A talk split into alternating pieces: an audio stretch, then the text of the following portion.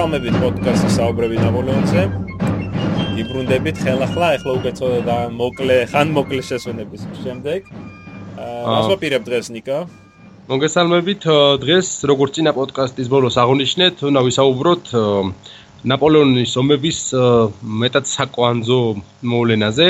ეს არის 1812 წლის კამპანია, რომელიც ალბათ ამ ომების ერთ-ერთი როგორც როგორც ვთქვით, როგორც მნიშვნელოვანი, ასევე საინტერესო მოვლენაა ნამდვილად, იმიტომ რომ პრინციპში გარდამტეხი აღმოჩნდა ეს სამხედრო კამპანია ნაპოლეონისთვის და არა მარტო ნაპოლეონისთვის, ზოგადად ამ დროის ევროპის ისტორიისთვის, ამიტომ ვფიქრობ, რომ სათანადო ყურადღება უნდა დაუთმოთ.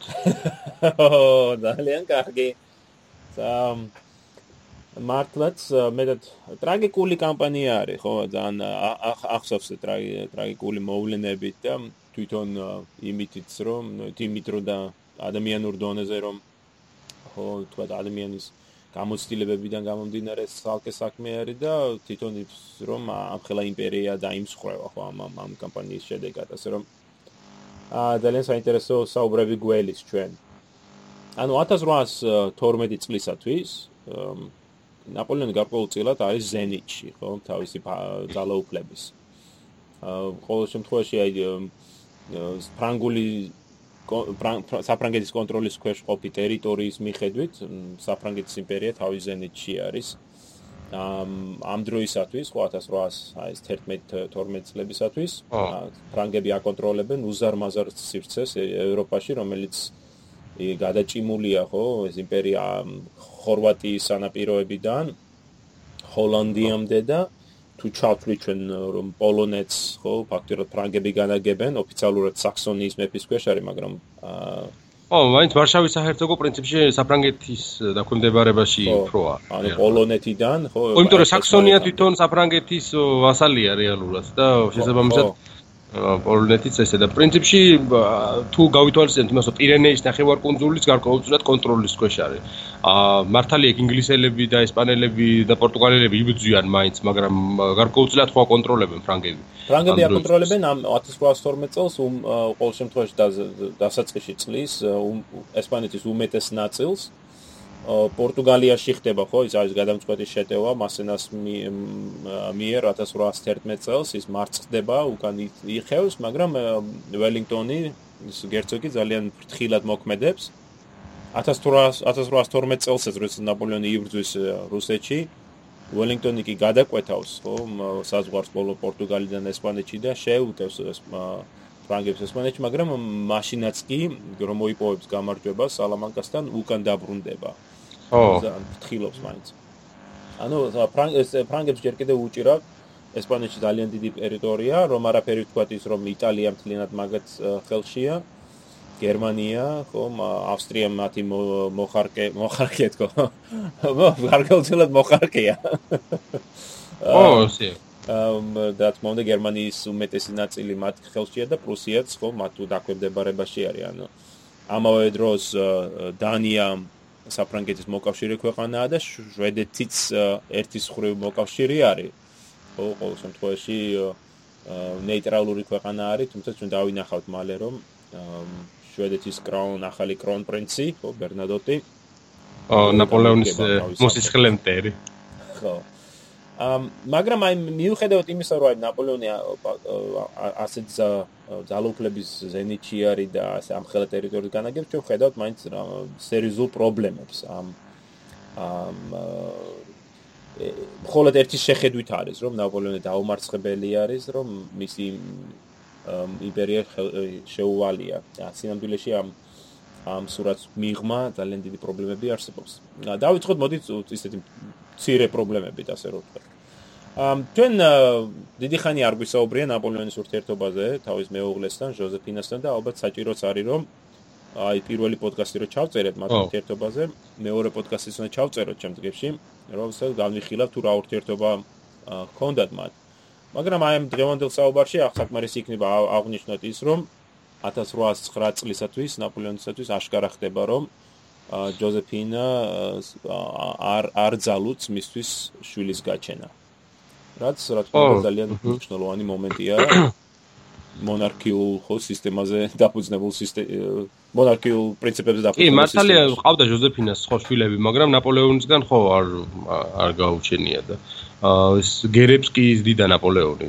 გერებს დიდა როგორც თავსაკუთარ შვილებს ხო ეჟენ შვილებს ბოჰარნე და მორტენზია მორტენზია ორივე ძალიან ახლოს იყო ნაპოლეონთან განსაკუთრებით ეჟენ ბოჰარნე და ო ვიცე-მეფე დანიშნა იტალიის ხო და ნაპოლეონი ანუ 1809 წლისათვის უკვე იღებს გადაწყვეტილებას რომ გან განქორწინდეს ხო? აქვე ალბათ აღსანიშნავია ისიც რომ იცის მან რომ მას მას პირადად მას ძალუც შვილების ყოლა რადგანაც მას ჰქონდა არაერთი ურთიერთობა ხო სხვა ქალთან და ამ ამ ურთიერთობიდან სულცირე ორი სავსებით შესაძლებელია 4 შვილი გაუჩნდა.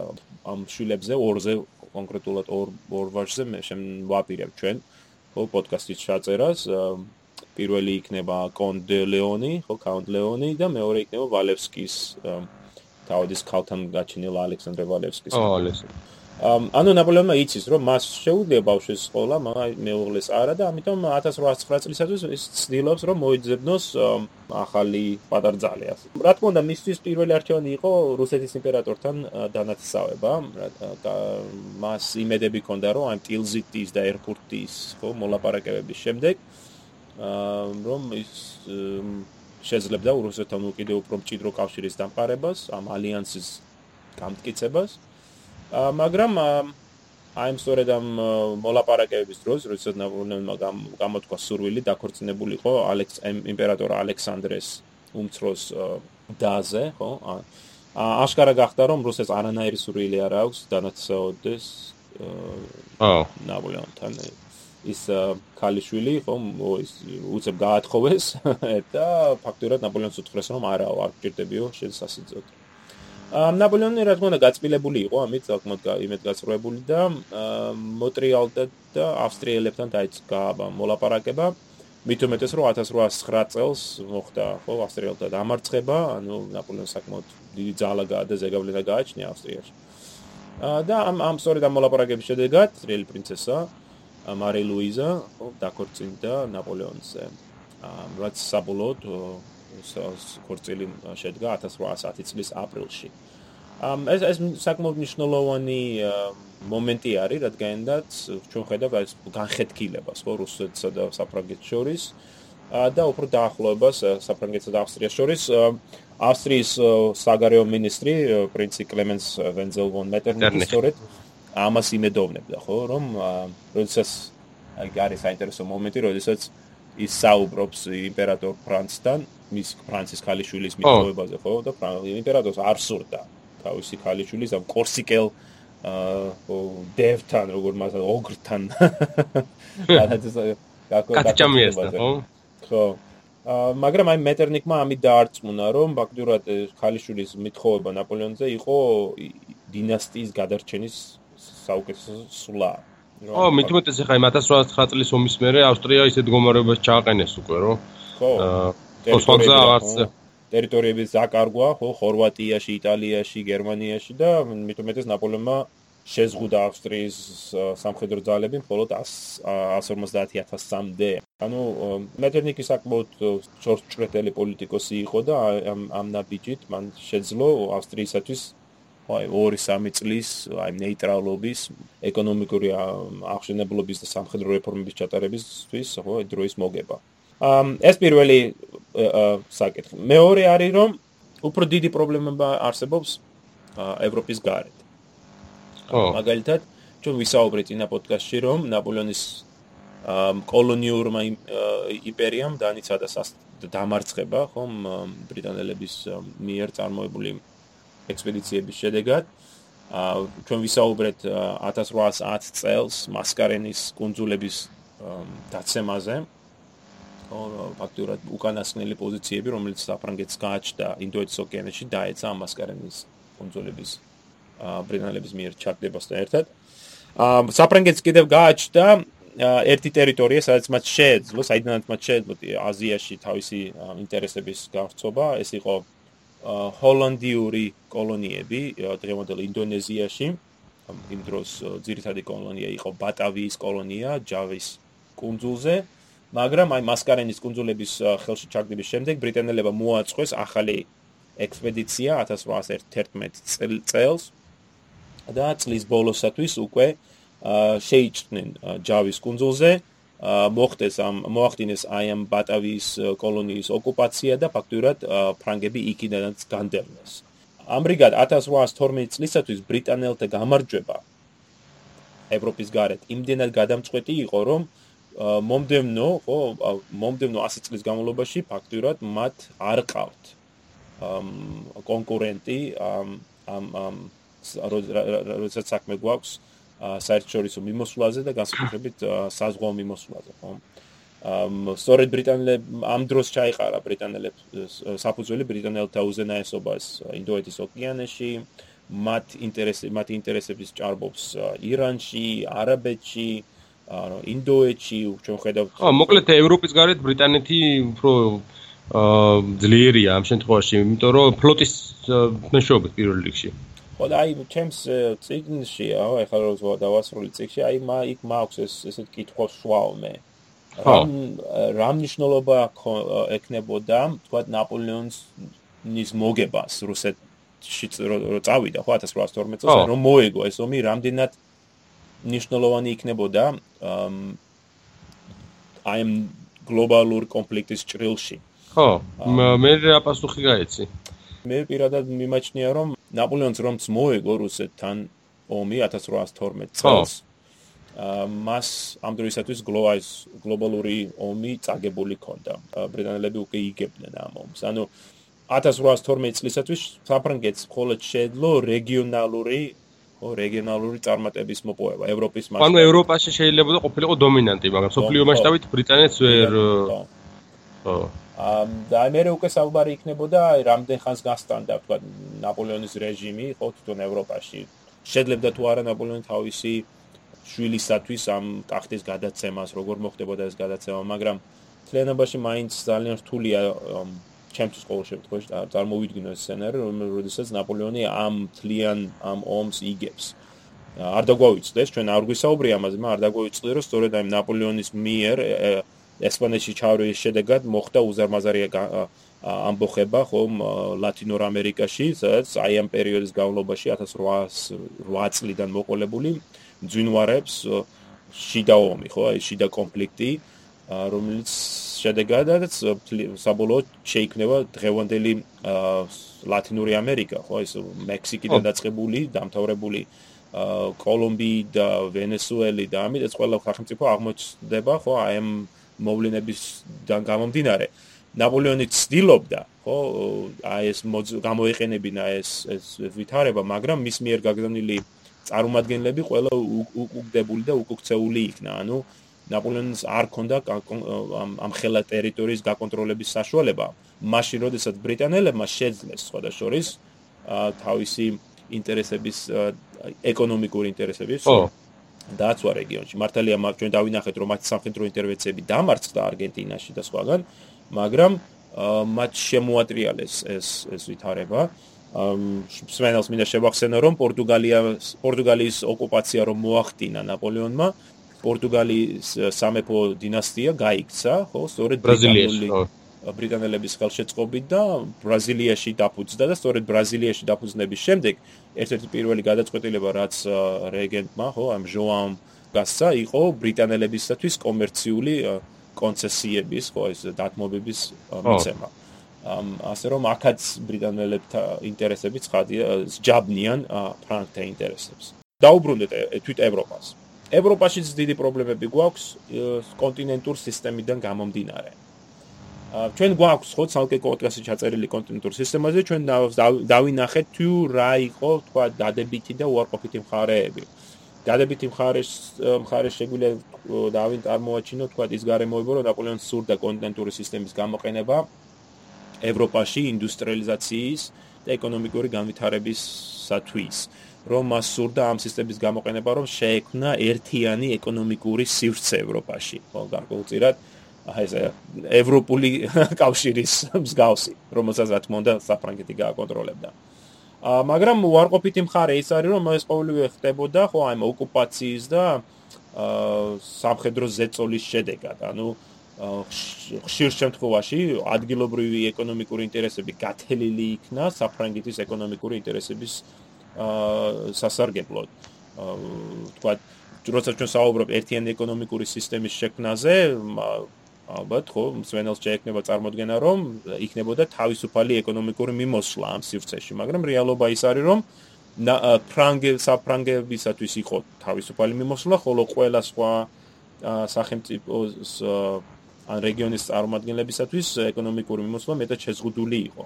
აი თუნდაც ერთი მაგალითი რომ მოვიყვანო, ფრანგებს შეეძლო თავისი აბრეშუმის და ქსოვილების შეუზღუდავად შეტანა იტალიაში, ხოლო იტალიელებს არ ქონდათ შესაძლებლობა გაეყიდათ საქონელი საფრანგეთში, ხო? აშკარა არის რომ ფრანგების სასარგებლოდ არის სისტემა შექმნილი. კონტინენტური სისტემამ დიდი ზიანი მიაყენა ევროპის ზოგიერთ ქვეყანას, მათ შორის ალბათ ყველაზე დიდი ზიანი რუსეთმა განიცადა. ვინაიდან რუსეთის პირველი ხო ეკონომიკური პარტნიორი იყო წლების განმავლობაში ბრიტანეთი. ბრიტანეთის სამხედრო და საზღვაო ინტერესებიდან გამომდინარე საჭირო იყო უზარმაზარი ოდენობით რესურსების შეძენა, მათ შორის ხეთხის, რომელთაც ხო ბრიტანული ხომალდები შენდებოდა. და რუსეთი იყო ერთ-ერთი ძირითადი წყარო ამ ყოველივეს. მაგრამ აი კონტინენტური სისტემის ფარგლებში აიგრძალა ხო ეს ვაჭრობა. ხო, პრინციპში ორივე მხარე ზარალდებოდა მაგით საკმაოდ.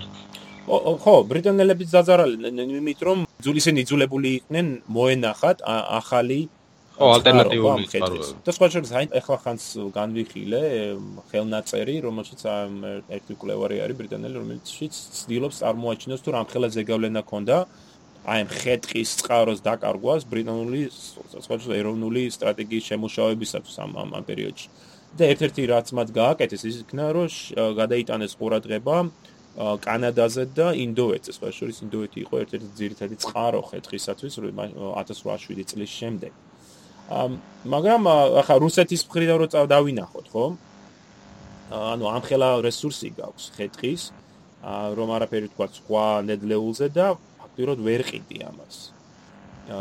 საფრანგეთს ნამდვილად არ ჭირდება ამ ხელა ოდენობით ნედლეული და ბრიტანელებთან არ გაძლევს საშუალებას გაყიდოს და რა თქმა უნდა ეკონომიკურად ძალიან დიდი ზარალიც აქვს განცდილი რუსეთს.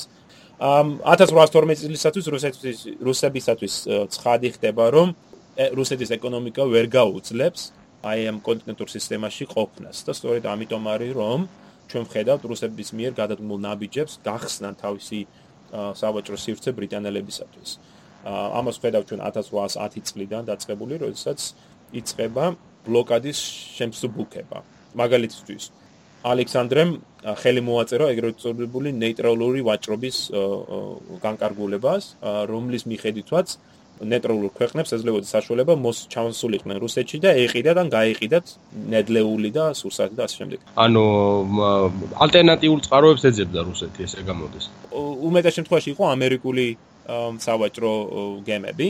და ანუ რა შეიძლებაოდა რომ ამას ამერიკულ საბაჭრო გემებს ჩასულიყვნენ ბრიტანეთში ეყიდათ ბრიტანული საქონელი და მეორე უკვე თავიან გემებზე ხო ამერიკულ გემებზე ჩაიტანათ რუსეთში და მეორე იგივე ეკნათ რუსეთში ეყიდათ საქონელი და ჩაიტანათ ბრიტანეთში. მოკლედ ამდენი წვალებად არ ღირდა ეს ყველაფერი აი ხო არა ახლა რუსებისთვის ღირს იმიტომ რომ ისინი ყიდიან და ყიდულობენ მაგრამ ნაპოლეონის მხრიდან აშკარა არის რომ ეს კონტინენტურ სისტემას ბათილად აცხადებს. თან ამ დროისათვის 1811 წლისათვის ნაპოლეონიც კი იაზრებს ამას ჩვენ ვისაუბრეთ ამაზე რომ ლიცენზიებს ყიდის ხო? ხო. და თვითონ ყიდის ლიცენზიებს გემებზე რომ რომელსაც შეეძლოთ ამის გაკეთება მაგრამ ამავე დროს სხვა ქვეყნებს მათ შორის რუსებს ეუბნება რომ თქვენ ამის გაკეთება არ შეგიძლიათო ხო კიდევ ერთი პრობლემა რომელიც არსებობს რუსეთსა და ნაპოლეონის შორის არის პოლონეთის ბედი აი რა რა რა მოხდება ან რა ბედიელის აი ამ პოლონეთს. ამ სამწუხაროდ ჩვენ არ ვისაუბრია ამაზე დეტალურად, მაგრამ სმენელმა მე ვფიქრობ იცის რომ მე-18 საუკუნის ბოლოს ხო ხდება სამი გადანაწილება პოლონეთის. 1772 წელს, მე 92 1792 13 წლებში და მე 1794 წლებში. და ამ გადანაწილების შედეგად რომელიც მომზადდა ხო და განხორციელდა რუსეთს ავსტრიასა და პრუსიას შორის ნამდვილად ამის შედეგად რუსეთმა ხელში ჩაიგდო პოლონეთის 60% დაახლოებით. ანუ უმეტეს წილად დიდად ნაწილი. ხო, დიდად ნაწილი რუსეთის ხელში. აა შემდეგ ჩვენ დავინახეთ, რომ ნაპოლეონი გამო ხო გამოცხადდა დაამარცხა პრუსიელები და შემდეგ დაამარცხა ავსტრიელები და მან აი პრუსიელებსა და ავსტრიელების მიერ ხელში ჩაგდებული პოლონური მიწებიდან აღადგინა აი აი წარმონაქმნი, რომელსაც დაარქვა ვარშავის დიდი ვარშავის დიდი საჰერცოგო. აა რუსეთის ეს ძალიან დიდი საშუალება იყო, იმიტომ რომ მათ ხო უნებლი მაშინვე და მათ დასვეს და მაშინვე შეკითხვა თუ რა გეგმები ქონდა ნაპოლეონის პოლონეთის მიმართ, ანუ აპირებდა თუ არა პოლონეთის აღდგენას, როგორც ის იყო გადანაწილებამდე და თუ ის აპირებდა ამას, მაშინ ფაქტურად მოხდებოდა აი ამ უზარმაზარი ტერიტორიის, ხო, ამ აა რეჩპოსპოლიტა რო იყო და ნაპოლეონი რუსეთმა რო ჩაიგდო ამ ხელა ნაწილი ამის. ამ ყოველი ტერიტორიების დაბრუნება. ხო? აა ამის საშუალება იდგა ნამდვილად ყოველ შემთხვევაში რუსებს ნამდვილად სჯეროდათ ამის. და ამ 1808 9 და 10 წლებში მიმდინარეობს ძალიან საინტერესო მოლაპარაკებები რუსებსა და ფრანგებს შორის რომელთა მიზანი იყო აღეკვეთა ნაპოლეონის მიერ პოლონეთის სრული აღდგენა. სხვაშორის ნახე მე საბუთები და შევისწავლე და სტატიაზეც მუშაობდი ამაზე ამას თაობაზე. 1810 წელს არის საინტერესო კონვენციის პროექტი, რომელიც რუსებმა წარუდგინეს ნაპოლეონს. და ამ ამ კონვენციის პროექტ პროექტი ითვალისწინებდა ნაპოლეონის მხრიდან აღქმას, ხო, დაპირებას, რომ ის არ აღადგენდა პოლონეთს არასოდეს. აა და რუსეთი შემდეგ ითხოვდა ეს მეორე პუნქტი არის რა ამ კონვენციის, რომ არა მარტო არ აღადგენდა, არამედ ოფიციალურ მიმოწერაში და ხო ამ გამოცემებში და ჟურნალ გაზეთებში აიგზალებოდა სიტყვების პოლონეთი, პოლონელი და პოლონურის გამოყენებას. ანუ თვითონ აი წარმონა თვითონ იდეა რომ პოლონეთი ოდესღაც არსებობდა უნდა წაშლილიყო. ო ისტორიიდან შლიდნენ პოლონეთს. ხო. ამ ფრანგებს შეიძლება გამოიყენებინათ ვარშავის საჰერცოგო, მაგრამ პოლონეთი არ უნდა ეთქვა. რა თქმა უნდა ნაპოლეონმა უარი თქვა ამაზე და ამ კონვენციაზეც და ორმა თამაშს აწובה ნაპოლეონი ამ შემთხვევაში. ერთის ხრივ რა თქმა უნდა მას არ სურს ნაპოლეონის რუსებისათვის მისცეს ეს დაპირება, იმიტომ რომ ხელშემოჭილი იქნება ხო სამომავლოდ. რა თქმა უნდა მას არ სურს რომ წარმო ისე წარმოჩნდეს რომ რუსები უკარნახობენ მის საგარეო პოლიტიკას. აა და ამავე დროს ის ეუნება რუსებს რომ არა მაქვს მე ამის დაპირე გეგმა ნამდვილად არ ვაპირებ მე პოლონეთის აღდგენას ერთ-ერთ წერილში ის აღნიშნავს კიდევაც რომ მე არ ვაპირებ ეს ციტატა მე არ ვაპირებ ვიყო პოლონელი დონ კიხოტე. მაგრამ ამავე დროს პოლონელებთან ურთიერთობაში ნაპოლეონი მათ პირდება რომ აი თუ მემსახურები და თუ დამიჭერთ ხარ და თუ ერთგულები დამრჩებით რომ მე თქვენ სოდესღაც ხო სადღაც 5-10 წელიწადში მოგცემთ სრულ სახელმწიფოს. ხო, პრინციპში პოლონელები საკმაოდ ერთგულად ემსახურდნენ ნაპოლეონს მაინთელი პერიოდის განმავლობაში. ალბათ ყველა ერთ-ერთ ყველაზე ერთგულები ფრანგებზე უფრო ერთგულები რომ შეიძლება ითქვას პოლონელები დაჩნდნენ. კი, ძალიან მეორგანეს პოლონელი ულანები ხშირად დომინირებდნენ ხოლმე ნაპოლეონის ომებში. აა კი, ბოლომდე ბოლომდე იბრძოდნენ გარკვეულწილად სხვა სხვა გამოსავალი არც ქონდათ, ხო? ტრაგიკული პოლონეთის პოლონური ტრაგიკული ისტორიიდან გამომდინარე ძალიან ამხრივ ძალიან გავარ ჩვენ ხო საქართველოს ისტორია. ო იგივე მარშალ პონიატოვსკის ბიოგრაფიიდანაც ჩანს ეგ როგორ დაიღუპება შემდგომ ნაპოლეონის ომებში. ამ ანუ პოლონეთი ერთ-ერთი განხეთქილების მიზეზი არის. ერთი ერთი როგორც თქვით იყო კონტინენტური ბლოკადა, მეორე იყო პოლონეთი, მესამე იყო ალბათ ის დანათესავება ვერ მოხერხდა. ხო. ნაპოლეონსა და რუსეთს შორის საკმაოდ ბევრი მიზეზი იყო უკვე დამგროვებული. მოდი კიდე ერთს კიდე ერთს ვახსენებ და გადავიდეთ მე საქმეზე. ეს იყო გერმანიის მომავალი. ალბათ სვენელმა იქ კარგად იცის რომ რუსეთის სამეფო ოჯახი დანათესავებული იყო, ახლო დანათესავებული იყო გერმანულ არაერთ გერმანულ სახელმწიფოს ოჯახს. ეკატერინე მეორე, თვითონ გერმანელი იყო, ხო, ანტალციდან. ვიცით რომ მისი შვილი იყო დაქორწინებული გერმანელზე, მისი შვილი შვილი იყო დაქორწინებული გერმანელზე, ხო?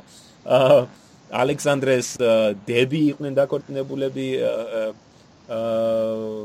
გერმანელ პრინცებს ჰერცოგებს რომ თქვა.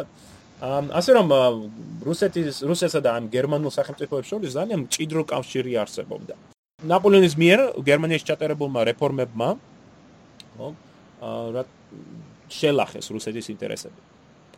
რომ არაფერი ვთქვათ, ხო გერმანია საფრანგეთის ზეგავლენის ქვეშ მოექცა და ნაპოლეონი ფაქტურად აკონტროლებდა ამ სახელმწიფოებს. მაგალითისთვის, ნაპოლეონმა ხო აიძულა გერმანული სახელმწიფოები შეერთებულიყვნენ კონტინენტურ სისტემას და ის სახელმწიფოები, რომლებიც ვერ ატარებდნენ მის პოლიტიკას, ისჯებოდნენ და აი 1810 წელს მაგალითი რომ მოვიყვანო, ოლდენბურგის საჰერცოგომ დაიწყო კონტინენტური სისტემის შემსუბუქება. ოლდენბურგის ჰერცოგი იყო ალექსანდრეს სიძე. მიუხედავად ასეთი კავშირისა, ხო, მაინც რუსეთის იმპერატორის სიძე ხარ. მიუხედავად ამისა, ნაპოლეონმა გადააყენა ოლდენბურგის მართველი ოჯახი, გააგდო ფაქტიურად და თელი ოლდენბურგის საჰერცოგო საფრანგეთს შეუერთა. ახლა წარმოგიდგენიათ ალბათ თუ რამდენად შეურაცხყოფელი იყო ახლა ალექსანდრისათვის ნაპოლეონის ეს ეს ეს ქმედება ერთის ხრივი შენ წარმოაჩენ შენ თავს როგორც ერთ-ერთ უძლიერეს ხელმწიფედ ევროპაში და შემდეგ ნაპოლეონი შენ სიძეს ესეთ რაღაცას უკეთებს ხო ამ რა თქმა უნდა რუსეთს სურდა დაკარგული პოზიციების აღდგენა გერმანიაში და ამ პოზიციებს ვერ აღადგენდა სანამ ნაპოლეონი ზეობდა მოდი კიდევ ერთს ვახსენებ, მაინც მნიშვნელოვანი ფაქტორია. ამ ეს არის ოსმალეთის ბედი. ო, კონსტანტინოპოლის ინტერესი განსაკუთრებით. ამ აქ მithumetes მნიშვნელოვანია, რომ საქართველოსთან შეხება გვაქვს. ო. ამ ჩვენ ნახეთ რომ 1807 წელს ტილზიტთან მოლაპტილზიჩი მოლაპარაკებების დროს ნაპოლეონი აღიარა რუსეთის კონტროლი კავკასიაში, საქართველოში კერძოდ. მაგრამ იმავე ტილზიგის მოლაპარაკებისას რუსეთმა გამოთქვა ინტერესი რომ ჩაიგდო ხელში ჩაიგდო ოსმალეთის იმპერიის სხვა ნაწილებიც განსაკუთრებით ბალკანეთის ირეთში დღევანდელი ბულგარეთი ხო აი რუმინეთი რა თქმა უნდა არც ერთი სახელმწიფო ეს არ არსებობდა იმ დროს არსებობდა ვალაჰეთი მოლდავეთი სერბეთი და ასე შემდეგ რუსები უკვე აწარმოებდნენ სამხედრო მოქმედებებს ოსმალეთის წინააღმდეგ 1806 წლიდან. ისინი მხარს უჭერდნენ სერბების აჯანყებას 1804 წლიდან და პრინციპში მაინც დიწარმატებას ანუ დუნაის გადაღმა დიწარმატებას ვერ მიაღწიეს ფლიანობაში ესე გამოვიდა რა. აი მაინც დუნაის გადაღმა არა ხო აი დუნაიმდე ხო. მათ შეძლეს მოლდავეთის ხელში ჩაგდება ვალაჰეთის და აი დუნაისზე გაჩერდნენ ხო? სხვა შორის პეტრე ბაგრატიონმა დიდი როლი ითამაშა ამაში 1809 წლის კამპანიისას. მან შეძლო ამ დუნაის დინარეზე ხო ამ ამ ახალი ხაზის გავლება რუსეთსა და ოსმალეთს შორის და აი ტილზით მოლაპარაკების დროს ფაქტობრივად რუსეთსა და საფრანგეთს შორის ხდება ეს ურთიერთგაგება რომ ომის დასრულებისას რუსეთსა და ოსმალეთს შორის რომ რუსეთი ხელში ჩაიგდებენ უფრო კონკრეტულ ტერიტორიას ამ ამ რეგიონში. ამ მოლაპარაკებისას ალექსანდრე დარჩა იმ სტაბილიზების ქვეშ, რომ ნაპოლეონი დათანხმდა, რომ კონსტანტინოპოლი დაყოფილიყო რუსეთის ზეგავლენის ქვეშ. მაგრამ ამ შემდგომ წლებში უკვე 1808-1809 წლებში აშკარა ხდება, რომ ნაპოლეონს არანაირი სურვილი არ აქვს დაინახოს რუსების ხელქვეშ არც კონსტანტინოპოლი და არც დუნაისპირეთის რეგიონები. და რომ ფრანგები ატარებენ აქტიურ პოლიტიკას რათა აღკვეთონ რუსების ზეგავლენა ანუ სამომავლოდ ახაც იკვეთება რუსეთსა და საფრანგეთს შორის ერთ-ერთი ხო კონფლიქტი ოსმალეთის იმპერიის მომავალზე ნაპოლეონს სურს იმპერიის შენარჩუნება მაგრამ საფრანგეთის ზეგავლენის ქვეშ მაშინ როდესაც რუსეთს უფრო აინტერესებს ოსმალეთის იმპერიის ნაწილების მიერთება თქვათ იგივე კავკასიაში, იგივე დუნაისპირეთში და სამომავლოდ შესაძლებლად ხო მიაჩნია კონსტანტოპოლის და იქ არსებული სრუტეებით ეს ხელში ჩაგდება. აა ყოველივე ამან ფაქტურად შექმნა ხო დახე ჩვენ ძალიან დიდი პრობლემები რუსეთსა და საფრანგეთს შორის. თულად გადასაჭრელი პრობლემები. თუმცა უკვე 1811 წლის მიწურულისათვის ორივე მხარე ემზადება ომისათვის. რუსები აქტიურად ემზადებიან სამისოთ, უნდა უნდა ვთქვა. მათ ამ დროისათვის აქვთ თავმოყრილი ორი საკმაოდ მოზრდილი ზომის ჯარი დასავლეთ საზღვრებთან. მაგრამ ისინი შიშობენ ასე ვთქვათ ომის დაწყებაზე ნაპოლეონის წინააღმდეგ, ვინაიდან მათ მოკავშირეები არ გააჩნიათ. და აი 1811 წლის შემოდგომაზე ჩვენ ხედავთ რუსები როგორც ცდილობენ გადმოიბირონ ავსტრიელები და პრუსიელები და ამ ერთიანი ხო ძალებით შექმნან ახალი კოალიცია. მათ სამწუხაროდ ავსტრიელებს ნამდვილად არ სურთ კოალიციაში მონაწილეობა, ავსტრიელებს კარგად ახსოვთ რომ 1809 წელს ისინი დამარცხდნენ და რომ ამ დამარცხებაში გარკვეული როლი მიუძღვის რუსეთს. ვინაიდან რუსეთმა მხარი დაუჭირა საფრანგეთს, გაგზავნა корпуსი, корпуსმა ხო იბრძოლა ავსტრიელებს წინააღმდეგ. ზიგში ბევრი არაფერი უბრძოლია, მაგრამ მაინც რომ გარკვეულწილად არ მოჩვენებითად იბრძოლა რა თითქოს რა, უფრო ვიდრე რეალურის რა ქონდა სამხედრო. კი, კი, მაგაზე დავწერე ვრცელი სტატია და ეგ ვითომიომეს, აი ესე გამოვიდა რა დაახლოებით. ხო, ხო.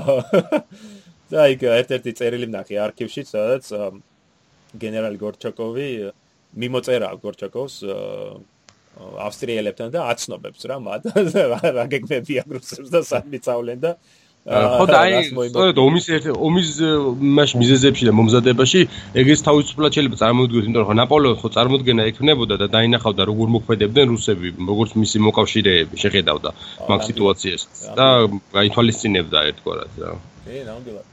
სხვა შორის ბაგრატიონს შესთავაზეს მაგ დროს 1809 წელს ამ корпуსის მეთაურობა და ბაგრატიონმა სწორედ უარი განაცხადა იმ იმ იმ მიწოდა რომ ფეიკი იყო ხო?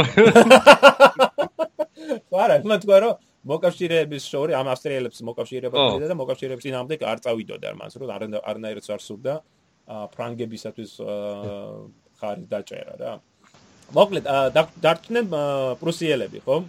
პრუსიელებთან იყო გაჩაღებული მოლაპარაკება რუსებსა და პრუსებსა და პრუსიელებს შორის იყო ის მოლაპარაკებები, მაგრამ ნუ რეალობა ისეთი იყო, რომ პრუსიელებს ნამდვილად ვერ არ შეეძლოთ არაფრის გაკეთება. მათი სახელმწიფო ფაქტობრივად ოკუპაციის ქვეშ იყო, ნაპოლეონს გააჩნდა დაახლოებით 200.000-მდე ჯარისკაცი პრუსიაში. ანუ ხელი რო გაენძრია პრუსიელებს, გაანადგურებდა მათ.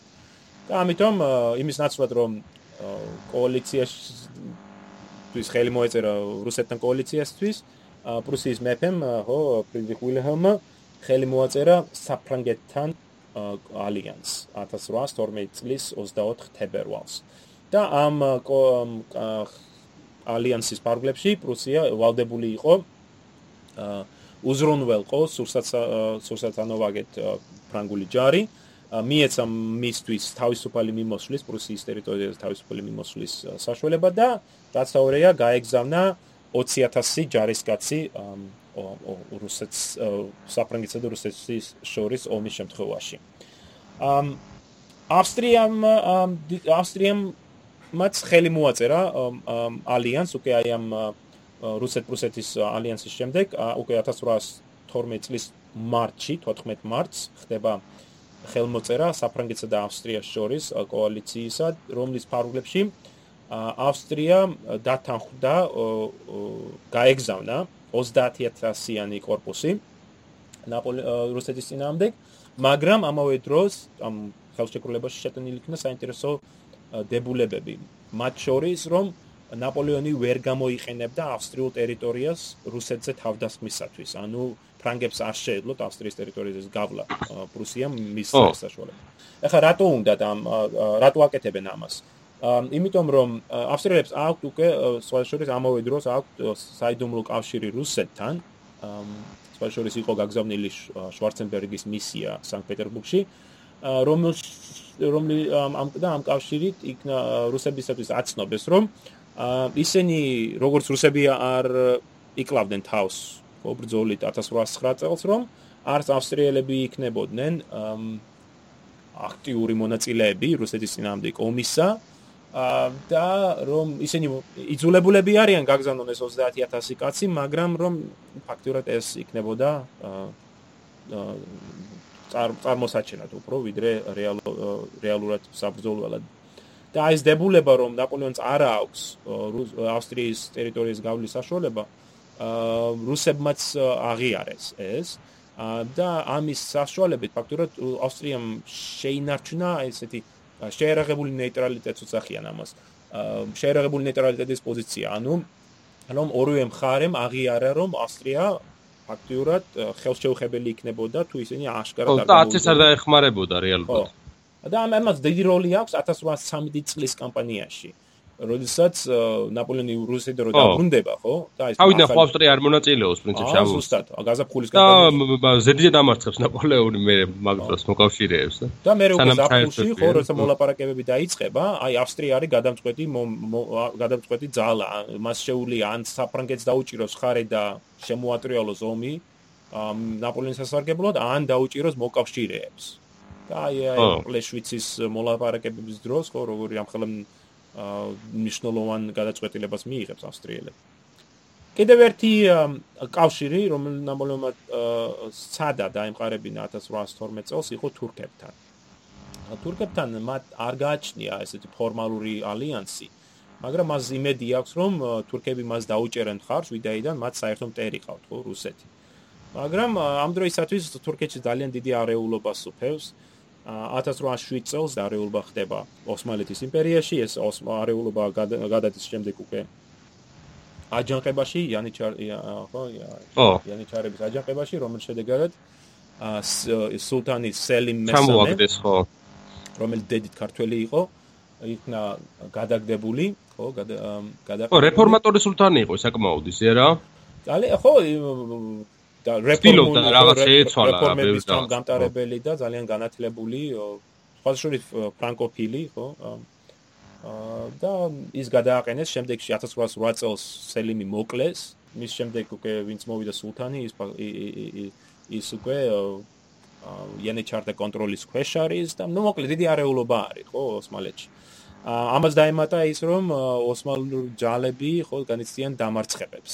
რუსეთთან ზეწელს ბატონო ბაგრატიონმა დაამარცხა დუნაისპირეთში შემდეგ 1810 წელს კამენსკიმ ჩაატარა ძალიან წარმატებული კამპანია და მეორე უკვე 1811 წელს მოვიდა ხო მიხეილ კუტუზოვი. სათავეში ამ დუნაისპირეთში ყოფილი რუსული ჯარისა და ამ დუნა კუტუზოვმა გაანადგურა ოსმალეთის ძირითადი ჯარი ხო რუშუკთან ან რუსესთან როგორც მას უწოდებენ და აი ამ დამარცხებების შედეგად ოსმალეთი იძულებულია ხელი მოაწეროს რუსეთთან დაზავებაზე 1812 წლის მაისში. ანუ აი ნაპოლეონის იმედი, რომ ოსმალეთი გაანაგრძობდა ომს და ისინი შეძლებდნენ დაახლოებით 60000 კაციან რუსული მოლდავეთის არმიას, ხო, აი დუნაისპირეთში, ხო, მათ შეებრძოლებდნენ და ანუ ეს იმედები არ გაუმართლა და აი მაისის შემდეგ ბუქარეთის ზავის შემდეგ ოსმალეთი გამოეთიშა ამ ომს. და რუსებს მიეცა საშუალება გამოეყენებინათ ეს ეს დიდი ჯარი.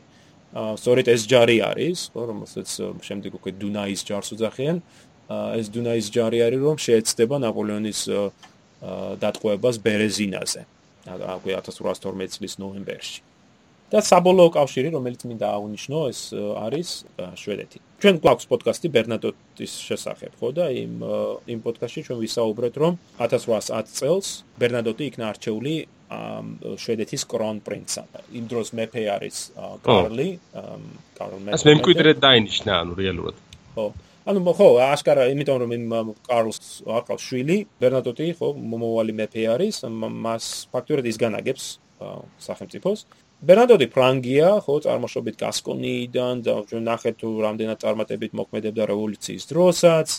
აა მაგრამ აი ახლა 1812 წელს მან მიიღო ძალიან საბედისო ნიშნულოვანი საბედისო გადაწყვეტილება. იმის ნაცვლად რომ ხარი დაეჭირა საფრანგეთისათვის, ნაპოლეონისათვის, აა მან 1812 წლის აპრილში მიიღო გადაწყვეტილება განდგომოდა საფრანგეთს. და ამის ნაცვლად შეხვდა საიდუმლოდ შეხვდა იმპერატორ ალექსანდრეს აბოში, ხო, ფინეთში ქალაქ აბოში. და იქ მოხდა მოლაპარაკებების ჩატარება, რომელთა შედეგად ამ შვედეთ შვედეთმა და რუსეთმა ხელი მოაწერა სანქტ-პეტერბურგის ხელშეკრულებას, რითაც ფაქტურად შექმნეს ალიანსი, კავშირი საფრანგეთის წინააღმდეგ.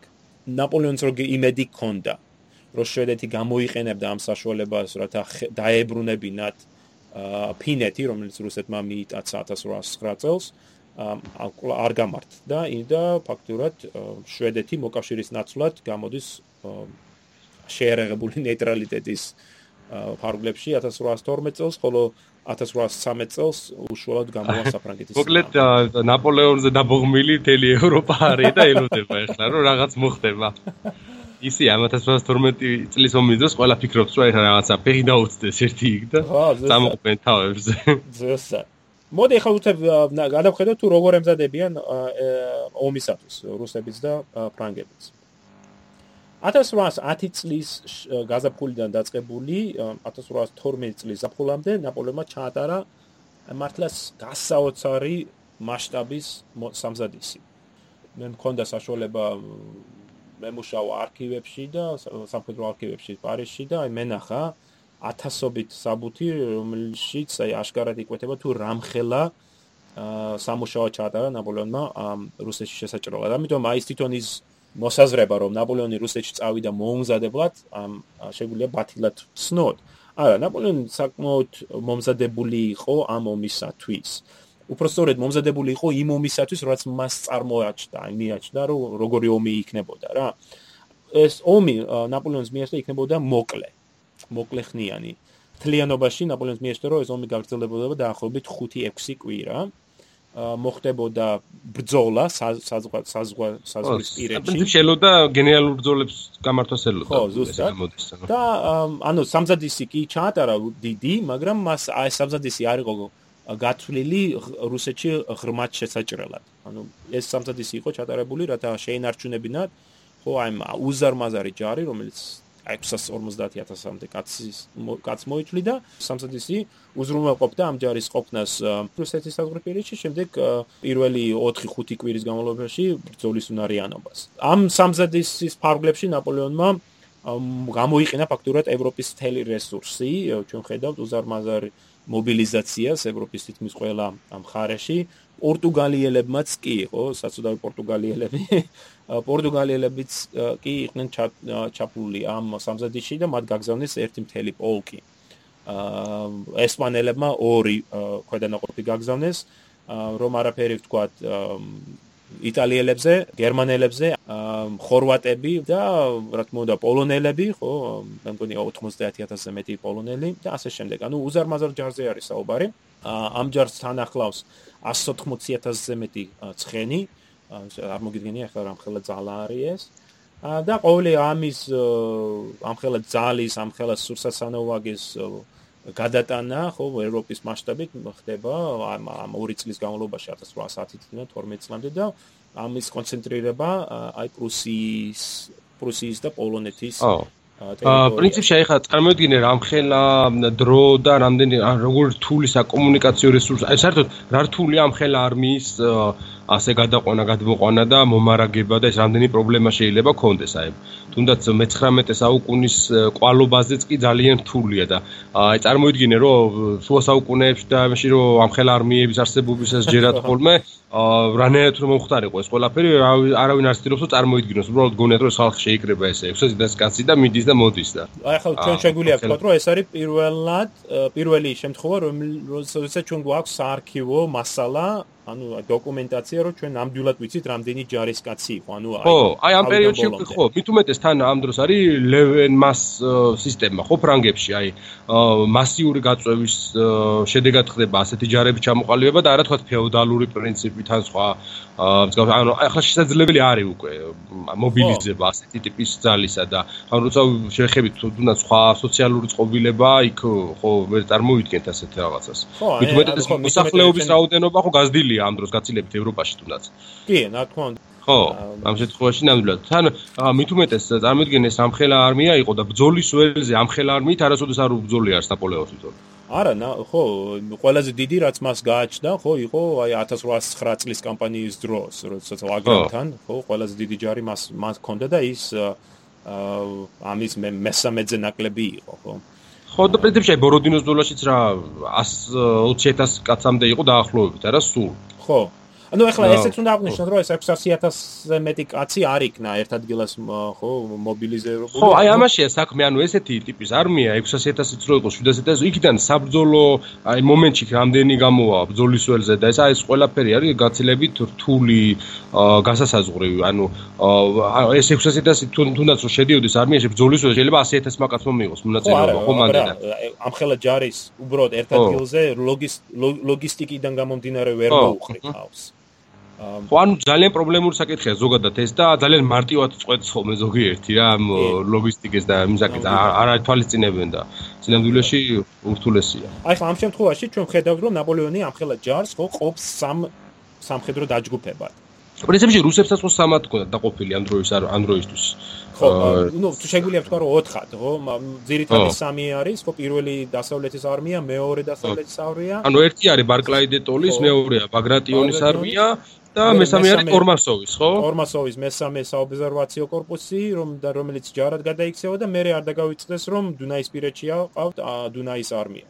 ანუ საფრანგების ხარეზე ჩვენ გვაქვს დაახლოებით აი ეს როგორც ვთქვი დავანგვალებ ხო დაახლოებით 650000 კაცი ამაში შედის რეზერვები და ყველაფერი მათთან ახლავს დაახლოებით 180000 ცხენოსანი 1300-ზე მეტი ქვემეხი და რა თქმა უნდა ასობით თუ არა ათასობით სატრანსპორტო საშუალება რომელთაც ამხელა სურსაცანავაგე იქნება გადატანილი. ნაპოლეონის გეგმა ალბათ წარმატებული იქნებოდა რუსეთის ჯარს რომ სათავეში დგომოდა პეტრე ბაგრატიონი. თული არის მის სტრატეგიული ხედვა გაიზიაროს ადამიანმა. იმიტომ რომ ბაგრატიონის აზრით ომის დაწყებისთანავე რუსები უნდა გადასულიყვნენ შეტევაზე და შემულიყვნენ ფრანგებთან პირველივე პირველ კვირას თუ არა მეორე კვირაშივე რაც ზუსტად ნაპოლეონის გეგმა იყო. ამიტომ რუსებისათვის საბედნიერო იყო ის რომ მათ სათავეში ედგათ ხო სამხედრო მინისტრი და პირველი დასავლეთის არმიის ყველაზე დიდი არმიის ხელმძღვანელი ბარკლაი დეტოლი გამოცდილი ძალიან მეთოდური ესეთი ჭკვიანი სამხედრო პირი იყო და მან სწორედ შეაფასა ნაპოლეონის გეგმა საინტერესო რა არის იცი ჩვენ სადღეისოდ არ გაგვაჩნია აი კონკრეტული საბუთი. არც რუსების და არც საფრანგების ხარეს რომელიც აი ამ გეგმას ასახავს. ანუ არა გვაქვს ერთი საბუთი რომელშიც წერია აი ამას გავაკეთებ ჩვენ. არც ნაპოლეონის ხარეს მოვზებნე ჩვენ ეს ესეთი ერთი დოკუმენტი ესეთი საბუთი და არც რუსების ხარეს ამ რუს ორივე მხარეს ჩვენ გვაქვს საბუთების სხვა სხვა საბუთების ხო კრებულე უფრო ვიდრე კონკრეტული საბუთი. აი რუსების ხარე ცოტა რთული ვითარება გვაქვს. ვიცით რომ 1812 წლისათვის რუსებს ყავთ დაახლოებით 250000 კაცი. გაყოფილი ხო ამ სამ ჯარში რომელიც შენ ახსენებ. ბარგაიტეტოლის პირველი დასავლეთის არმია, პეტრე ბაგრატიონის მეორე დასავლეთის არმია და ტორმასოვის, ალექსანდრ ტორმასოვის მესამე დასავლეთის არმია. ანუ ძალთა თანაფარდობა რა თქმა უნდა ფრანგების სასარგებლო არის. თუმცა რუსებმა რუსეთის ჯარის უმეტესობამ, ოფიცრების უმეტესობამ არ იცის, რომ ამ ხელა უთანასწორობა არის, რომ ნაპოლეონს 600000 კაცი ყავს, ხო? და მათ მხოლოდ 250. მაგალითად ბაგრატიონმა არ იცოდა რიცხვები. მიუხედავად იმისა, რაც აი საოცარია, ხო? მიუხედავად იმისა, რომ რუსეთის იმპერატორმა და ბარკლაიდეტოლიმ იცოდნენ ამის თაობაზე. ახლა საიდან იცოდნენ ეს? იმიტომ რომ რუსებმა 1811-12 წლებში ჩაატარეს გასაოცარი სადაზვერვო ოპერაციები და მათ შეძლეს ნაპოლეონის სამხედრო სამინისტროში შეღწევა და იქიდან საიდუმლო საბუთების მოპარვა. ყველაზე წარმატებით მოღვაწეობდა იმპერატორ ალექსანდრეს ადიუტანტი ჩერნიშევი.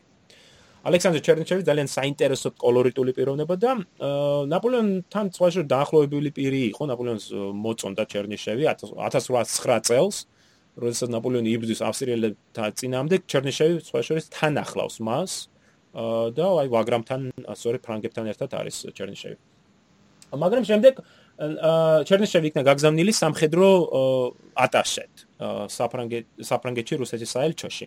ჩვენ ახლა ვიცით სამხედრო ატაშეები რასაკეთებენ, ხო? და ჩერნიშევი ამ ხრივ არ იყო გამონაკლისი. მან შეძლო პარიზში სადაზვერვო ქსელის ჩამოყალიბება და მან მოკრთამა საფრანგეთის სამხედრო სამინისტროს ერთ-ერთი მაღალჩინოსანი სახელად მიშელი, რომელმაც ფულის სანაცვლოდ გაუზიარა რუსებს ნაპოლეონისთვის წარდგენილი ყოველთვიური მოხსენებები, რამდენი ჯარი ყავს ნაპოლეონზე, სად არის ეს ჯარი განლაგებული. ამ ამ ამ საბუთებს ტაბლოს უწოდებდნენ. და ეს ტაბლო იქნა გაზიარებული ჩერნიშევისათვის. ჩერნიშევმა ეს მიაწოდა ალექსანდრეს და მე ალექსანდრემ გაუზიარა ბარკაიდატოლის. აი ჩემზე გასაოცრად ბაგრატიონისთვის არ იყო ეს ინფორმაცია გაზიარებული და არც ტომასოვისათვის. რატომ ნეტა? ჩემი ვარაუდი არის ის რომ ბაგრატიონზე ძალიან ისეთი წარმოდგენის იყო როგორც ბარკრაიდეტული ასევე ალექსანდრე რომ ბაგრატიონი იყო ძალიან ძლიერი ტაქტიკოსი ძალიან წარმატებული ბრძოლის ველზე მაგრამ როგორც სტრატეგი ის მოიკოჭლებდა და რომ მისთვის ამ ინფორმაციის გაზიარება არ იყო მიზანშეწონილი რომ სტრატეგიის შემოშავებაში ისინი ხო მიიღებდნენ მონაწილეობას და შემდეგ გაუზიარებდნენ ბაგრატიონს უკვე შემოშავებულ გეგმას. ხო, ან ბაგრატიონი ერთად თაველი მეთაური იყო რა. აი ზუსტად, ხო, აი ოპერაციულ და ტაქტიკურ დონეზე მართლა წინვალე იყო. ბაგრატიონს ერთი პრობლემა ის აქვს, რომ მან სკოლაში არ უსწავლია როგორც ასეთი. ფორმალური განათლება არ ჰქონია, ანუ რაც იცოდა. აა ბძოლის ველზე ქონდა ნასწავლი. ხო, და თვით თვით ნასწავლი იყო რა. ხო. და აი მამას რა თქმა უნდა სხვა აი ამ ბარგადეტოლის და ალექსანდრეს და სხვები გენერლების ფალში ეს ეს თვალში საცემი იყო და ამიტომ ხო იცი ცოტა აა ირებათ უყურებდნენ მას ამის გამო. მოკლედ, ჩერნიშევს აქვს ეს სადაზვერო ოპერაცია ჩატარებული და მათ გააჩნიათ ინფორმაცია თუ რამხელა ძალა აქვს ნაპოლეონს. ამავე დროს ეს ცოტა ნაკლებად ცნობილი მომენტი არის, მაგრამ ამავე მაინც მნიშვნელოვანი მომენტია. რუსებმა ასევე ჩაატარეს მეორე მეტად საინტერესო და წარმატებული სადაზვერვო ოპერაცია, უფრო აი კონტრდაზვერვის წარმატება არის ეს. 1812 წელს ფრანგულმა დაზვერვამ, რომელიც პოლონეთში იყო განლაგებული, აიძულა ყოფილი რუსი ოფიცერი, რომელიც პოლონეთში ცხოვრობდა, ჩამდგარ იყო მათ სამსახურში და მისი დავალება მისცეს მას, რომ გადასულიყო რუსეთში და ჩასულიყო ვილნიუსში, დღევანდელ ვილნიუსში, მაშინ ვილნას უწოდებდნენ და აი ამ საზღვრისპირეთში შეესწავლა რუსეთის განლაგება და მიეწოდებინა ინფორმაცია. ეს ოფიცერი მართლაც დათანხმდა, აი მიიღო ინსტრუქციები, გადავიდა საზღვარზე, ჩავიდა ვილნიუსში და პირველი რაც მან გააკეთა, მივიდა ადგილობრივ რუსულ ხელისუფლებასთან და უთხრა რომ აი მე ვარ ფრანგი აგენტი და მინდა რომ ორმაგ აგენტობა გაგიწიოთო. და რუსულმა კონტრაზორმა ეს მართლა ძალიან წარმატებით გამოიყენა. ეს განსაკუთრებით მნიშვნელოვანია, იმიტომ რომ აი ომის წინ 1812 წელს ომის წინ ნაპოლეონმა გაგზავნა რუსეთში სამხედრო მისია, ნარბონის მისიას უწოდებ ჩვენ, ვინაიდან ამას სათავეში ედგა ნაპოლეონის ადიუტანტი ნარბონი. ნარბონი ჩავიდა ვილნაში და იქ შეხვდა შეხვდა რუსეთის მაღალჩინოსნებს და ოფიციალურად ეს მისია ემსახურებოდა აი ამ ომის თავიდან არიდები არიდებას რომ აი ეს მოდი ომის წინ იქნებ რამეზე შევთანხმდე და იქნებ არ არის საჭირო რომ ვიომოთ. მაგრამ რეალობაში ის იყო რომ ნარბონი ხო სამხედრო მისიით იყო მივლინებული და შეესწავლა თუ რა ვითარება იყო რუს თვითონ რუსულ ჯარშიც. აი ამ რუსელ ვილნაში ჩავიდა ნარბონი მასთან მივიდა ეს აგენტი და მივიდა და უთხრა რომ მე ვარ ფრანგი აგენტი და რომ მე მაქვს ინფორმაცია თქვენთვისო რა თქმა უნდა ეს აგენტი ორმაგი აგენტი იყო და რომ და ნარბონს აწვდიდა რუსული კონტრდაზვერვის მიერ მიწოდებულ ინფორმაციას. და ეს ინფორმაცია ემსახურებოდა იმ მიზანს რომ შეექმნა ფრანგებში შტაბეშტილება რომ რუსეთი მოუმზადებელი იყო ომისათვის. ჩვენ გვაქვს სხვა შორის შემორჩენილი ამ ამ აგენტის დაკითხვის ოქმები რუსების მიერ მომზადებული ასე რომ ძალიან საინტერესო მომენტი არის აქ რომ ნაპოლეონ თუ ჩვენ საუბრობთ აი ნაპოლეონს ჯეროდა რომ ომი მოკლე იქნებოდა და ძოლა მოხდებოდა საზღვრისპირეთში რომ გარკვეულ წილად ეს ეს მოსაზრება ეს მოსაზრება ემყარებოდა აი ამ ინფორმაციასაც რომელიც ნაპოლეონი აწვდიდა მას რეალობაში რა თქმა უნდა რუსები არ აპირებდნენ მოკლეომის ბრძოლას. ხო, ხა პრინციპში ხო ხედავდნენ ნაპოლეონის არმიის რიცხოვნობასაც და ამავე დროს ისედაც ნაპოლეონთან საველებ ბრძოლებში რა წარმატებები ჰქონდათ. თუნდაც რო არ ყოფილიყო მახელა არმია ყველა ვარიანტში არაწყობდათ. ხო, წინა გამოცდილებიდან გამომდინარე. ხო, ნუ ბაგრატიონ შეიძლება აწყო. ხო, ხო. აა როდესაც ალექსანდრე იმპერატორი ალექსანდრე შეხვდა საფრანგეთის ელჩს კოლენკურს აი ომის წინ და ჰქონდა მოლაპარაკება ალექსანდრემ პირდაპირ აღუთქვა ხო? უთქვა უთხრა მას რომ ამ გადაეცი ნაპოლეონს რომ ომი თუ დაიწყება მე მზად ვარ უკან დავიხიო კამჩატკამდე ხო ეს არის ციტატა რომ მზად ვარ დავიხიო უკამჩატკამდე და დავთმო ეს ტერიტორია მაგრამ განვაგრძო ბრძოლა. ანუ კოლენკორმა მიაწოდა ეს ინფორმაცია, ჩვენ გვაქვს ეს წერილი, რომელშიც ის აცნობებს ნაპოლეონს, რომ აი ეს არის ალექსანდრეს რომ ის მზადყოფნაში არის იბრძოლოს აი ეს გრძელი ომი, ხო, გრძელვადიანი ომი, მაგრამ ნაპოლეონმა ეს არ აჩააგდო. აა ჩვენ ვიცით რომ სხვა მოხსენებებიდანაც კოლენკური აფრთხილებდა ნაპოლეონს, რომ ეს არ იქნებოდა მოკლე ომი, რომ რუსები აპირებდნენ ორ თუ არა სამ წლიანი ხო სამხედრო კამპანიის ჩატარებას. მაგრამ ნაპოლეონმა ასევე ის დარწმუნებული იყო, რომ რუსები შეეცდებოდნენ მის შეჩერებას საზღვრისპირეთში.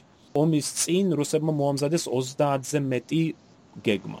სხვა სხვა გეგმა არის ზოგიერთი აბსურდული აა მაგალითად პოლონეთში შეჭრის და იქ ომის წარმოების გეგმები, რომელიც არაერთი ოფიცრის მიერ იქნება მომზადებული. კი ვამბობ მე რომ აბსურდული გეგმა არის, მაგრამ ის უნდა აღნიშნო რომ ამ ოფიცრებმა არ იცოდნენ თუ რამხელა ჯარი აქვს, ხო, ნაპოლეონს იქ. საბოლოოდ მინდა ყურადღება გავამახვილო ორ გეგმაზე. პირველი არის ცნობილი გეგმა, ეს არის ამ პრუსიელი ოფიცრის, ხო, ფულის მიერ მომზადებული გეგმა, რომელიც ფაქტურად მოწონებული იქნა ალექსანდრეს მიერ და სადღეისო ჩვენ თulit რომ ეს იყო ძირითადი გეგმა. სამწუხაროდ ჩვენ არა გვაქვს კონკრეტულად აი ამ გეგმის საბუთი შემორჩენილი. ჩვენ გვაქვს მიმოწერა, მეტნაკლებად მიმოწერაში აღწერილი ელემენტები და ჩვენ გვაქვს შემდგებში აა როცა ფული ომის შემდეგ ცხოვრობს ჰოლანდიაში, მასთან ერთი ოფიცერი იყო ჩასული და ლაპარაკის დროს მან მან აღწერა ეს ეს გეგმა. და კი მე მესამეს მნიშვნელოვანი წყარო არის ერთი კიდევ ერთი პრუსიელი ოფიცერი რომელიც რუსეთში მოღვაწეობს ამ დროს ლუდვიგ ვოლცოგენი სამწუხაროდ არ არის კარგად ცნობილი მაგრამ აი ეს ვოლცოგენმა შემდეგში გამოსცა თავისი უაღრესად საინტერესო მემუარები რომელშიც ჩართო მემორანდუმები რომელშიც აღწერილი იმის ნაწილები და ამ ამ გეგმის ამ გეგმის ფარგლებში უნდა მომხდარიყო რუსული ჯარის მეთოდური ეს უკან დახევა ჯარი უკან დაიხებდა გამაგრებულ პოზიციებზე, ხო, დრისასთან. ჯერ კიდევ დავა მიმდინარეობს თუ აქ უნდა გაჩერებულიყო ჯარი თუ არა. ბევრი ისტორიკოს მიაჩნია, რომ აი დრისასი უნდა გაჩერებულიყო და ებრძოლა რუსულ ჯარს გამაგრებულ პოზიციებზე. მე რაც მინახავს საბუთები და თვითონ ფულის ჩანაწერებიდან გამომდინარე, ვფიქრობ, რომ მას ამოსახვაში ქონდა აქ დროებით გაჩერება და შემდეგ კიდევ უკან უკან დახევა. თუმცა მას არ მიაჩნდა აი სმოლენსკის აღმოსავლეთით უკან დახევა ეს ეს გეგმაში არ იყო კათოლიციზებული როგორც ასე. ამ გეგმის ამ ფულის გეგმის ფარგლებში ნაპოლეონს უნდა შეეტია, ან ესენი იმედოვნებდნენ, რომ ესენი შეუტევდა ერთ-ერთი რუსული ჯარის წინააღმდეგ, თქვათ, ან პირველი დასავლეთის არმიის წინააღმდეგ, ან მეორე დასავლეთის არმიის წინააღმდეგ და თუ ის შეუტევდა პირველი არმიის წინააღმდეგ, მეორე არმიას უნდა მისცემოდა საშუალება ემოქმედა მოწინააღმდეგის ფლანგზე, ხო შეექმნა საფრთხე ფლანგებისათვის და თუ ნაპოლეონი შეუტევდა მეორე არმიას, იგივე შეეხებოდა ხო პირველ არმიას. ანუ უფრო მანევრირებადი სამხედრო ოპერაციებზე იყო გათვლილი. მაგრამ ამის პარალელურად არსებობს ძალიან საინტერესო მემორანდუმი, რომელიც ნაკლებად ცნობილი არის, მაგრამ რომელიც იქნა მომზადებული ბარკლაი დეტოლის უახლოესი თანაშემწის პეტრე ჩუიკოვიჩის მიერ. და მე ვფიქრობ, რომ აი კამპანია თვითონ 1812 წლის კამპანია როგორი იქნა ის წარმართული ხო რუსების მიერ სწორედ აი ამ გეგმაზე გეგმას ეფუძნება. ეხლა არ უნდა წარმოვიდგინოთ ეს საბუთი, რომელიც ჩუიკევიჩმა მოამზადა, როგორც აი დეტალური გეგმა. ეს არის უფრო აი მემორანდუმი, რომელსაც აღწერილია ძირითადი პრინციპები, რომელზედაც სამხედრო მოქმედებები ნაპოლეონის წინამდე უნდა დაექვემდებაროს. და ამ მემორანდუმში ჩუიკევიჩი ამბობს, რომ პირველ რიგში ჩვენ უნდა ავარიდოთ ბრძოლას. აი როგორც ჩვენ თქვი ნიკა, ხო? რომ ჩვენ წინა გამოცდილებიდან გამომდინარე, ჩვენ უნდა ავარიდოთ გადამწყვეტ ბრძოლებს, რაც შეიძლება უფრო დიდი ხნის განმავლობაში. შემდეგი პრინციპი არის რომ შეისწავლის ესპანეთისში მომხდარ მოვლენებს. აი რატო დამარცხდებიან ფრანგები ესპანეთში. და აი იმაზე დაყნობით ის ამბობს რომ ჩვენ და ვაწარმოოთ გრძელვადიანი ომი, ომი რომელშიდაც ჩვენ გამოვიყენებთ ჩვენ სივრცეს. რომ ჩვენ შეგვეძლება უკან დავიხიოთ და შემოვიტყუოთ ფრანგები ღრმად რუსეთში. ის ამდულად აქცენტს აკეთებს ვთქვათ პარტიზანულ ბრძოლაზე. მაგრამ არა პარტიზანულ იმის გაგებით რომ აი ხალხის მობილიზაცია და ხო იცი ყველა მხრიდან შეტევა არამედ რეგულარული ხო ჯარის ნაწილების გადაქცევას პარტიზანულ ქვედანაყოფებად და ამ ირეგულარულ ანუ ასიმეტრიულ ბრძოლის ჩატარებას ნაპოლეონის წინააღმდეგ რაც ნართლაც რუსები რუსები ამას მოახდენენ. ამ და აი ჩიკევიჩი ამბობს რომ თუ ჩვენ ამ პრინციპებს დავეყრდნობით ანუ ავერი ავარიდებ თავს ბრძოლას უყან დავიხებ დავიწყებ ასიმეტრიულ ბრძოლას დადგება მომენტი როდესაც ნაპოლეონის ჯარი იქნება ისეთი სუსტი რომ მას არ ეკნება საშუალება დარჩეს რუსეთში და იძულებული იქნება უკან დაიხიოს. და აი სწორედ ამ დროს ჩვენ დავესხმებით მას თავს და გავანადგურებთ. როცა ჩვენ საბოლოოდ უყურებთ რუსეთის გეგმებს ფულის გეგმას ვფიქრობ რომ იყო ეს უფრო ოფიციალური, ხო, ალექსანდრემ თორედ ეს გეგმა დაამტკიცა, მაგრამ ბარკლაი დეტოლის მოქმედებებში ჩვენ აშკარად იკვეთება უფრო აი ჩუიკევიჩის ჩანაფიქრი. საბოლოოდ, ხო, ორივე მხარე მოემზადა ომისათვის და ივნისის ბოლოს ომი იწყება. კერძოდ 23 ივნის დიდმა არმიამ დაიწყო ნემანის მდინარის გადაკვეთა დღევანდელ ვილნიუსსა და კაუნას შორის.